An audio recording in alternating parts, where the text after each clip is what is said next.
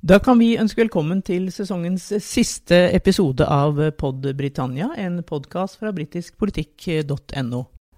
Jeg heter Trine Andersen, og i dag har jeg med meg Gry Blekastad Almås, ny korrespondent i London fra høsten av. Og vi skal bl.a. snakke om hvordan det er å bosette seg og jobbe i Storbritannia nå etter brexit. The pride in who we are is not a part of our past. It defines our present and our future. The people of Scotland have spoken. England, Scotland, Wales, Northern Ireland together, taking us forward, unleashing the potential of the whole country. Ja, Gry, du går jo nå på din andre periode du, som NRK-korrespondent. Forrige gang var i 2010 til 2013. Det var i en litt annen eh, hverdag, kan du si. Storbritannia var medlem av EU, vi er medlem av EØS. Det var et fritt arbeidsmarked. Eh, jeg bodde sjøl i London eh, i et par perioder i den tida, og byråkrati var det jo, men det var jo overkommelig å bosette seg og jobbe i London for nordmenn den gangen. Men hvordan er det nå etter brexit? Merker du en stor forandring? Ja, Den største forandringen er jo at man må ha visum for å, å jobbe uh, og bo i Storbritannia. Og det har jo vært en prosess uh, når du er vant til å reise dit helt uten tanke på sånne ting. Så er det en, en, ganske stor terskel å, å, komme over, opplever jeg i hvert fall. Og, og, også fordi jeg har vært blant de aller første da, som har søkt den typen visum som jeg søker. Ja, Visum, da er det for å, for å få jobbe der? Det er det du snakker om? Ja, ja. og få bo mer enn altså, også, ja. ja. Man kan reise til Storbritannia og være turist i inntil seks måneder uten visum, men skal man være der lenger, så må man må man søke e- et eller annet form for visum. Også studenter f.eks. må ha visum. Eh, men da en annen type visum enn det eh, jeg måtte søke. Så eh, alt fra det å, Bare jobben med å finne ut hvilken type visum jeg skulle søke, eh, tok litt tid. Eh, og så er det da, når jeg fant ut den typen visum jeg skulle ha, å eh, få dokumentasjon på alt de krever dokumentasjon på. En av de tingene er at du må gjennomføre en språktest for å bevise at du snakker engelsk. Og uh, den språktesten er helt sånn elementær. What's your name? My name is Osv. Uh, men den måtte jeg ha. Og uh, problemet der var å få tatt den i Norge. For pga. pandemien så har det eh, oppstått ulike problemer i ulike steder som gjør at per nå så er det ikke mulig å ta den testen, den spesifikke testen man må ta, i Norge. Eh, så jeg har hatt ganske mange runder fram og tilbake med både eh, ambassader og andre, og til slutt så har jeg fått et slags unntak, så sant jeg kan bevise at jeg snakker engelsk. Så jeg har fått en eh, attest fra jobben min på at jeg har hatt korrespondentjobben før, og dermed behersker engelsk. Men da jeg kom til dette kontoret eh, som skulle ta imot all dokumentasjon, som ikke er på ambassaden, men som er et eksternt kontor som, I Oslo? I Oslo, som gjør dette for britiske myndigheter, så var det ikke noe spørsmål om noe attest fra noe språktest. Eh, eller språkkunnskaper. Eh, så jeg spurte om det, da. For jeg hadde jo med meg denne lappen fra jobben om at jeg kan snakke engelsk. Skal vi ikke ha den, da, sa jeg. Så så hun bare rart på meg. Så sa hun at du trenger jo ikke noe språktest. Eh, jo, sa jeg, det står det jo på alle disse nettsidene, og det sier ambassaden til meg også, at jeg må jo ha det. Nei, nei, men det gjelder ikke deg, det gjelder dem, sa hun, og så nikket hun liksom mot venteværelset, da. Og så prøver jeg å se tilbake på hvem jeg hadde sett inne på det venteværelset før jeg, før jeg kom inn til henne. Og det var jo eh, mennesker som tydeligvis ikke var eh, europeisk fødte. Um, så jeg vet ikke om det var asylsøkere eller eh, hva hun egentlig henviste til. Men hun mente da at den språktesten ikke var ment for sånne som meg. Altså um, nordmenn født og oppvokst i Nord Norge um, med de engelskkunnskapene vi får gjennom vår skole og sånn. Men jeg har ikke fått svar på visumsøknaden min ennå, så jeg vet jo ikke om de har godkjent den søknaden. Jeg sendte med den attesten, jeg, da. Uansett, jeg sa det. Legg den ved, du. Så, er, så er den der. Ja. ja. Men hvor lang tid, altså hvor lenge er det siden du søkte om visum? nå har, jeg, har, de hatt passet mitt inndratt i um, snart tre uker. Yes. Og de sa det skulle ta inntil tre uker, så jeg ja. håper jeg får det svaret nå. Kommer en av de første dagene her nå, ja. da. Men, eh, men, eh, vil det da gi deg både anledning til å jobbe og å bosette deg i Ja. Storbritannia? Begge deler? Ja. Det Mm. visumet? Men ikke permanent. Nei, men for de Eh, tre årene som tre du har tenkt å være der, ikke ja, sant? Det må visumet gjelder tre år, og så må jeg fornye det hvis jeg skal være et fjerde år, som Ja. jo i NRK-systemet er en mulighet. Mm. Mm. og da kan du få fornyet to år til, og når du har vært eh, og bodd i Storbritannia i fem år, så kan du søke om uh, pre-settle eller settle status. Så da kan du få en mer permanent uh, boligtillatelse. Nettopp. Mm. Så det er, det er en mye lengre prosess, det er det ingen tvil om. Men hva med skole og sånn? Har du noen barn som skal begynne på skole der borte, Ja, f.eks.? vi har med oss den yngste av våre tre, og hun skal gå videregående skole der borte. Eh, og det, det har gått helt fint. Ja, Eh. Der har vi søkt henne inn og, og fått plass før vi har fått eh, visumet. Men som medfølgende eh, til eh, en som da har fått en jobb, og som forhåpentligvis da får et visum, så, så får hun også visum. Så hun, jo også, hun må selvfølgelig også søke visum, men eh, når hun får den tillatelsen, Ja, så hver enkelt familiemedlem må søke visum. Du Ja. kan på en måte ikke ta med deg hele familien og, og dra fordi at du har arbeids- og bosettingsvisum. Hver enkelt må søke. Ja, hver enkelt må søke, og mine eldre barn som er over 18 år, de må søke separat, og de får ikke godkjennelse på eh, min, eh, mitt arbeid. Da. Så eh, f.eks. han som er 19 år, som ikke helt vet hva han skal gjøre eh, framover, han eh, må, må eventuelt eh, søke seg inn som student. Da. Eh, han kan ikke bare komme og bo hjemme hos oss uten Altså, så lenge vi forsørger han, så går det jo greit. Han Ja, kan dra hjem hvert halvår og være turist. ikke sant? Men hvis han vil jobbe der, hvis han ville tatt seg en litt sånn tilfeldig jobb på en pub, eller et eller annet sånt, som man kunne før i tida, så kan man ikke bare gjøre det nå.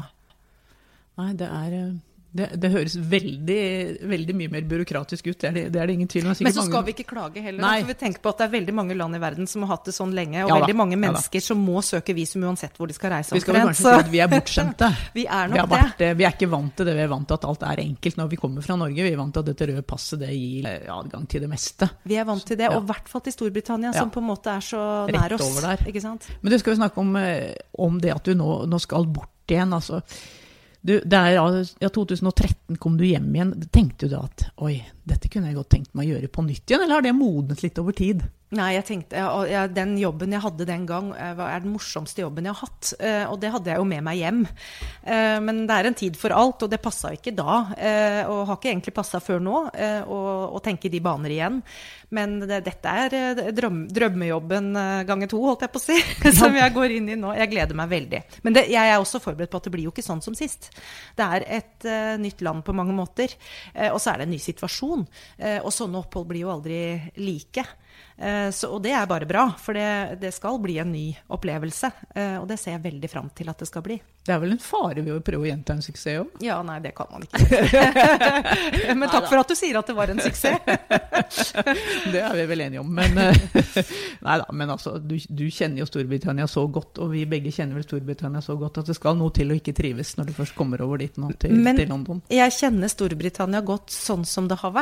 Eh, Ja. Og det er noe av det jeg er veldig spent på nå, det er hva Storbritannia nå blir. For jeg tror at Storbritannia på hvert fall noen områder er eh, i ganske stor endring. Eh, og det er noe av det som jeg syns det er uhyre spennende å skulle få lov til å følge tett da, framover. På hvilken måte skal Storbritannia endre seg framover? Blir det dramatisk, eller blir det bare små justeringer? Det vet vi jo ikke ennå. Nei, og det spennende blir å si hva endrer det mest? Er det brexit eller er det pandemien? Så, Mm. Ja, begge deler er nok Ja. med på å, å, å endre mye. Men ser du for deg at du får reist like mye som det, som det du ønsker? Du, du har jo faktisk reist Storbritannia rundt for å skrive boka di i Nordbritannia. òg, du, så Ja, og jeg, eh, jeg har en veldig klar ambisjon om å reise mye rundt. For jeg tenker at for veldig mange nordmenn så øh, blir eh, Storbritannia forbundet med London. Eh, Fordi selvfølgelig London er, er hovedstaden og et sentrum for veldig mye eh, aktivitet. eh, Både politisk og kulturelt og egentlig på alle måter. Men London er jo ikke typisk Storbritannia. London er på en måte en øy som er noe helt eget i et uh, Storbritannia som er veldig mye mer mangfoldig. Nå er jo London en veldig mangfoldig by, men, men resten av Storbritannia er også veldig annerledes enn London. Så jeg har en veldig sterk ambisjon om å få reist uh, og rapportert mye fra store deler av Storbritannia, og ikke bare holde hus i London hele tiden. Men hvordan er det å være norsk journalist i, i London? Mener, vi er et lite land. Ikke, vi kan ikke bare ringe til, du kan ikke bare ringe til Downing Street og si du, nå vil jeg gjerne snakke med, med, Johnson. Det er ikke helt sånn som å være fra NRK og ville snakke med Solberg. Det var litt kontrast. Eh, forrige gang da jeg opplevde det liksom for første gang, og har sittet på, eh, på desken som programleder i Dagsrevyen i mange år, eh, og vært vant til at når du ringer til våre toppolitikere, så kommer de når, de, når du spør om de, de vil komme til Dagsrevyen. Eh, men da jeg satt på kontoret i London og, og, og, ringte regjeringsmedlemmer der, så var det ikke lett å få kontakt engang. Altså, vi, vi, ligger langt ned på lista der som utenlandske journalister. Eh, og lille Norge er, eh, er, liksom ikke de første de ringer tilbake til, da, for å si det sånn. Men det går jo an i noen settinger. Du må bare være mer tålmodig og kanskje tenke alternativt. Og, og også bruke de anledningene som oppstår, da godt. Men, men eh, nå, nå, drar det jo tilbake til noe som kanskje er et nettverk som kanskje ikke helt har forsvunnet. Så, sånn sett er du vel kanskje litt bedre rusta nå enn du var da du kom dit i 2010, vil jeg tro? eller? Ja, altså jeg kan jo systemet mye bedre enn jeg eh, kunne. Altså disse irrgangene hvor, hvor man henvender seg og ikke og sånn. Så det, det er jo en fordel. Men um, men én ting er liksom tilgangen til eh, toppolitikerne og liksom, ja, samfunnstopper generelt. Men en annen ting er jo eh, tilgangen til folk eh, og levd liv. Eh, og jeg tenker at det kanskje er eh, en viktigere tilgang å ha. Og der er jo eh, Storbritannia relativt enkelt, da. Og særlig utenfor London. når du kommer litt ut på landsbygda, så er folk for det første veldig vennlige, veldig tilgjengelige og interessert i å fortelle og snakke. også med utenlandske journalister. Sånn at for meg er det viktigere å komme tett på mennesker som, som, lever i ulike situasjoner da, i dette landet, um, enn nødvendigvis da å snakke med toppene. Selvfølgelig er det også interessant, men, men, hvis man må velge, så vil jeg heller tettere på menneskers liv. Mm, sånn som du gjorde i boka di snakket du jo med vanlige folk over hele, hele Storbritannia. Ja, ja. Var... da, da fikk du vel også et klart inntrykk av hvor, hvor, enkelt det kanskje er å være norsk da, i Storbritannia. For vi har jo et veldig godt renommé, stort sett. Eh, ja. Det er enkelt å si at du kommer fra Norge når du Kanskje dess lenger nord du kommer i Storbritannia, er det vel kanskje enda litt enklere? Ja, og med den uh, norske bakgrunnen holdt jeg på å si, som disse stedene har uh, helt fra vikingtiden, så er det jo mange som føler et slags uh, slektskap da, med oss som nordmenn. Og det merker man jo mange steder. Og det, det gjør at det, er lettere jo lenger nord du kommer, som du sier. Men så har jo Mitt inntrykk i hvert fall er jo at ja, Norge og nordmenn har et ganske sånn godt rykte folk liker oss. um, og så handler det jo om selvfølgelig hvilken kontakt man får som mennesker. Og da er det ikke sikkert at det er så viktig hvor man kommer fra egentlig, så lenge man klarer å, å få en kontakt. da. Du har jo egentlig nesten forskuttert litt av det jeg har tenkt å spørre deg om. Det er nemlig hva slags reportasje du liker å lage best. Mm. Men det er altså å gå ut og snakke med, med folk, mm. rett og slett. Ja. Ja, det er å prøve å forstå, eh, og da forklare videre eh, hvordan folk har det, og hvorfor. Uh, og det tenker jeg jo også er en uh, viktig ting å gjøre nå i den ja, post-brexit- og post-pandemitiden som uh, kommer til å prege i hvert fall ja, sikkert hele perioden jeg skal være der borte. Hvilke effekter får denne utmeldelsen av EU for Storbritannia? Blir det så bra som alle de som stemte for brexit, håpet på? eller blir det så dårlig som alle de som stemte for å bli værende i EU, fryktet? Um, og så får vi kanskje ikke alle svarene før det har gått mye flere år enn en de jeg skal bo der borte, men, men, noen svar kan vi komme til å, å få. Um, og så er det selvfølgelig pandemien, økonomien, framover. Um, hvordan, hvordan, preger det uh, britene og det britiske samfunnet? Tenker bare på en sånn ting som uh, pubkulturen, da. Som, som, vi jo selvfølgelig uh, forbinder veldig sterkt med britisk kultur. Hvordan går det med dem? Det stor frykt eh, for at eh, veldig mange av disse tradisjonsrike pubene eh, kommer til å måtte legge ned. Fordi de har hatt en lang periode nå hvor de ikke har fått holdt åpent og drevet. Og fortsatt så går det jo bare på halv maskin. Så det, det er ett eksempel, da. eh, på en sånn type ting som, som, kan være spennende å følge med på framover. Ja, Det blir jo veldig spennende i det hele tatt å komme bort sikkert og se hvordan pandemien har preget altså, hovedgatene på mindre steder. ikke? Hvor, mm. hvor store forretninger som har hatt store som, som, har vært i disse gatene, sånn som Debenhams har jo gått eh, konkurs. Det er mange av disse mm. kjente merkevarene som ikke er der lenger. Topshop, mm. ja. Mange, mange tomme butikklokaler sikkert. Det blir veldig spennende for deg å hva jeg i hvert fall syns. Og, ja, og komme og se hvordan dette har preget samfunnet, rett og slett. Veldig. Også til, allerede før pandemien eh, så var jeg litt sånn slått av hvor utrolig mange eh, uteliggere Eh, som har inntatt gatene eh, overalt, egentlig. Over hele Storbritannia. Disse reisene jeg gjorde i forbindelse med boka mi, stort sett i 2019. Eh, uansett hvor jeg dro, så lå det uteliggere i gatene. Og i motsetning fra Jeg husker på 80-tallet var det også mye uteliggere, ikke sant? med disse pappeskene og, og soveposene sine nesten overalt. nå er de i telt. De har sånne enkelt eh, oppslagsbare telt ja. som står liksom eh, ja, midt i parken, midt i byen, midt i gatene, egentlig. Det er mange av dem, altså. Eller det var, da. Eh, og den utviklingen begynte vel Altså, det har jo alltid vært uteliggere der, men den, den økningen, da, synlige økningen begynte vel en gang etter finanskrisen, som rammet ganske hardt. Men så har det i årene imellom, altså fram til eh, pandemien kom, eh, blitt synligere og synligere og synligere, og liksom overraska meg over at det er så mange, da. Og jeg er jo redd for at det egentlig bare tiltar. Eh, nå når konkursene kommer og eh, folk blir kasta ut av leilighetene sine. Nå har det jo vært en viss beskyttelse for folk som har leid gjennom pandemien, men når disse støtteordningene eh, etter hvert da opphører, så kan det nok hende at det er flere huseiere som blir mer kyniske på at de skal ha den inntekten de tross alt leier ut for å få, og at folk blir kasta på gata. Så jeg, frykter jo at ikke at det ikke blir så bra for alle, dette her. Mm. Ja, dessverre. Det, det, er noe som du sier, alle disse, De har jo hatt veldig gode støtteordninger til nå, men når de opphører Det er jo det som blir spennende å se konsekvensene da. ikke sant? De har jo hatt veldig gode støtteordninger for folk som har vært permitterte. F.eks. vel ja. nå når, det, når, det, opphører, hva da? Det er akkurat det. Og jeg snakka akkurat med eh, en, en, kilde eh, angående dette med puber. Eh, og han sa at puber i London så visste han bare om to som faktisk har lagt ned i løpet av pandemien. Men så sa han det er for tidlig å si. Ja. Nå må vi vente eh, eh, halvår, ett år til. Og så får vi se, da. Det, og, det, og det er ganske høye tall på de som har sagt at de frykter at de kan komme til å måtte stenge ned. Og så får vi håpe at det ikke går så gærent som de frykter. Eh, for hva er vel Storbritannia uten pubene? Mm. Ja, nei, altså du har jo mye å ta fatt på.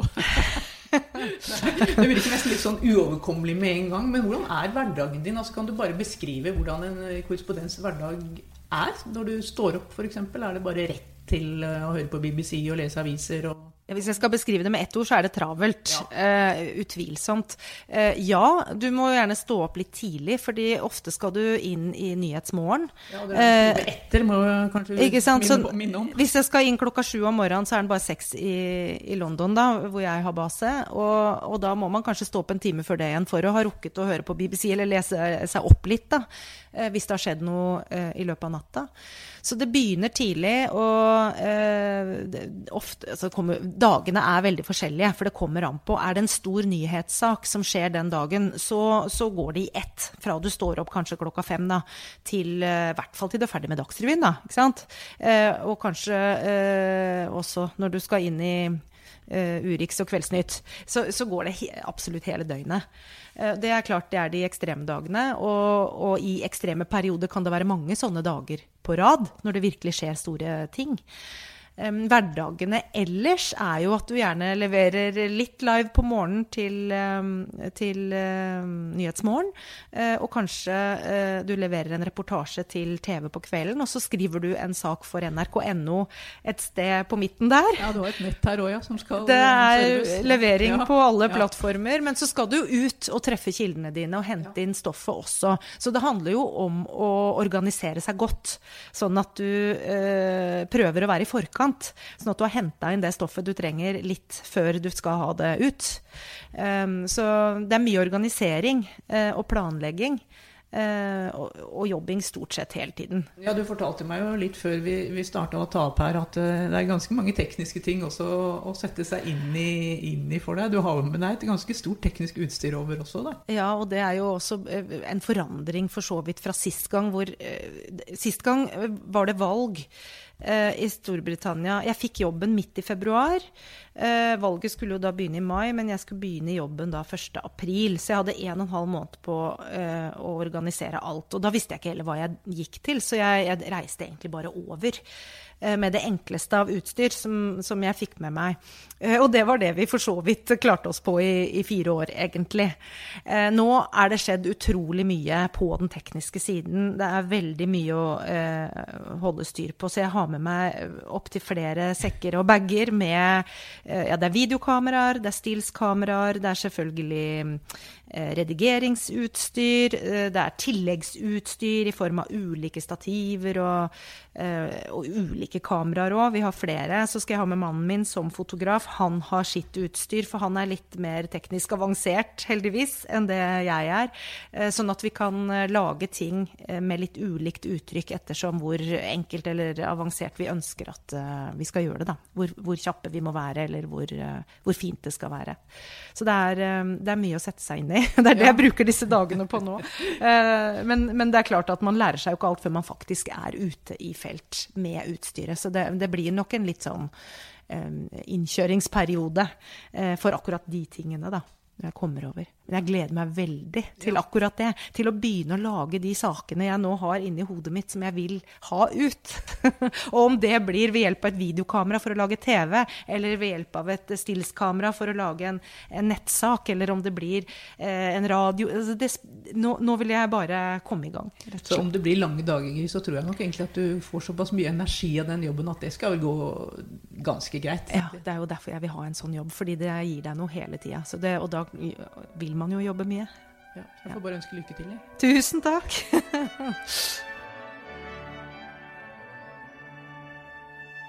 we shall never surrender. The pride in who we are is not a part of our past. It defines our present and our future. The people of Scotland have spoken. England, Scotland, Wales, Northern Ireland, together, taking us forward, unleashing the potential of the whole country. Order!